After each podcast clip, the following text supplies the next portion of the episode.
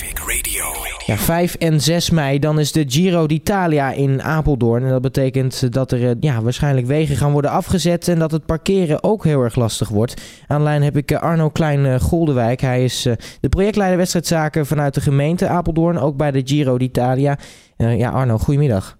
Goedemiddag. Ja, als we het hebben over ja, het afzetten van, van wegen, dat, dat lijkt altijd logisch bij grote sportevenementen. Maar wat gaat er eigenlijk allemaal precies gebeuren?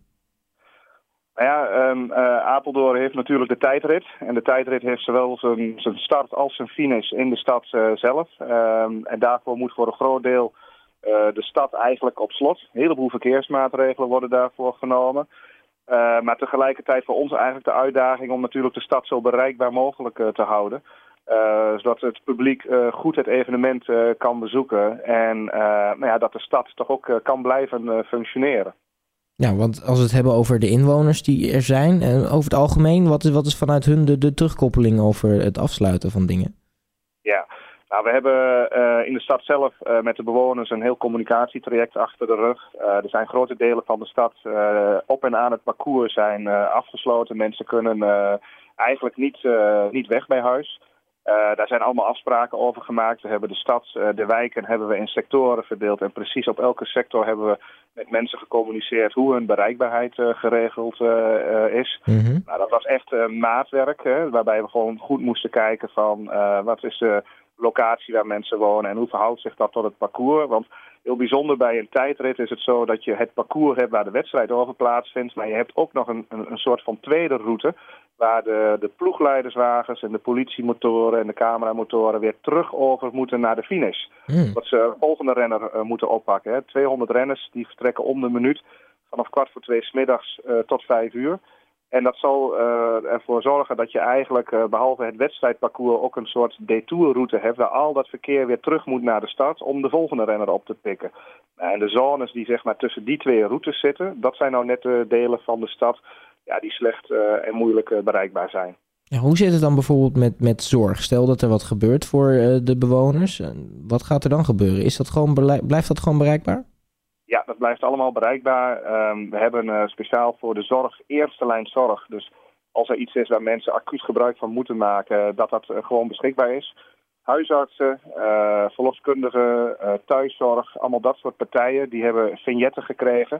En met die vignetten kunnen ze altijd door afzettingen of worden ze door politieposten doorgelaten om te komen op die plekken waar ze de zorg moeten verlenen. Dus dat is gewoon geregeld. Ja, dan zit je natuurlijk niet alleen met het uh, vervoer van het uh, publiek. Je hebt ook zoiets als openbaar vervoer. Um, ja, er zullen vast ook nog bussen rijden door de plekken waar de parcoursen liggen. Ja, aan de zuidkant uh, van Apeldoorn, daar is het openbaar vervoer nog enigszins op gang. aan de noordkant van Apeldoorn ligt het openbaar vervoer er eigenlijk zo goed als uit. Althans, de buslijnen. het is niet mogelijk om met bussen, zeg maar, lijndiensten te rijden. Uh, wat daarvoor in de plaats is gekomen is uh, dat je uh, nou ja, vanuit de, de parkeerplaatsen die er zijn ingericht voor Giro-bezoekers die van buiten Apeldoorn komen, pendelbussen naar het wedstrijdparcours rijden en die mm -hmm. mensen op plekken kunnen afzetten om het evenement te bezoeken. Dus er is een soort vervangende dienstregeling voor teruggekomen. Ja, en dan natuurlijk waarschijnlijk jullie grootste kopzorg qua organisatie daarvan, parkeren. Ja, parkeren. Uh, we hebben uh, eigenlijk heel goed over nagedacht. Uh, ook al met uh, het ontwikkelen van het parcours. Toen we dat aan het ontwerpen waren, hebben we gekeken van waar liggen nou de grote parkeerplaatsen in de stad. De grote parkeergarages. Mm -hmm. En eigenlijk hebben we van tevoren gezegd van we moeten proberen om die parkeergarages ten alle tijden bereikbaar en in de lucht te houden. Nou, dat is gelukt. Apeldoorn is op 6 mei vanuit het zuiden, vanaf de A1, eigenlijk ontzettend goed bereikbaar. Afslag Apeldoorn-Zuid uh, of afslag uh, Hoendelo, uh, Apeldoorn West. Um, daar kan het publiek eigenlijk gewoon Apeldoorn via benaderen. Parkeer mm -hmm. wordt dan geregeld middels bebording en verwezen naar de transferia voor parkeren. Um, maar ook vanuit die zuidkant kun je eigenlijk vrijwel doorrijden tot in het centrum van de stad waar de grote parkeergarages gelegen zijn. En die zijn eigenlijk allemaal gewoon normaal bereikbaar. Dus in die zin um, uh, is Apeldoorn uh, zeker niet op slot voor, het, voor het grote publiek. Het is alleen ja, een stukje drukker om op de plaats van bestemming te komen. Ja, dan tot slot nog natuurlijk de vraag: de wegen die afgesloten zijn of omgebouwd worden. Um, hoe zit dat? Wanneer gaan ze worden afgesloten en wanneer is dat weer helemaal vrij? Ja, van 6 tot 6 uur. Dus 6 uur s ochtends, dan worden alle verkeersmaatregelen van kracht. Mm -hmm. En 6 uur s avonds is het de bedoeling om de stad weer voor grote delen vrij te geven.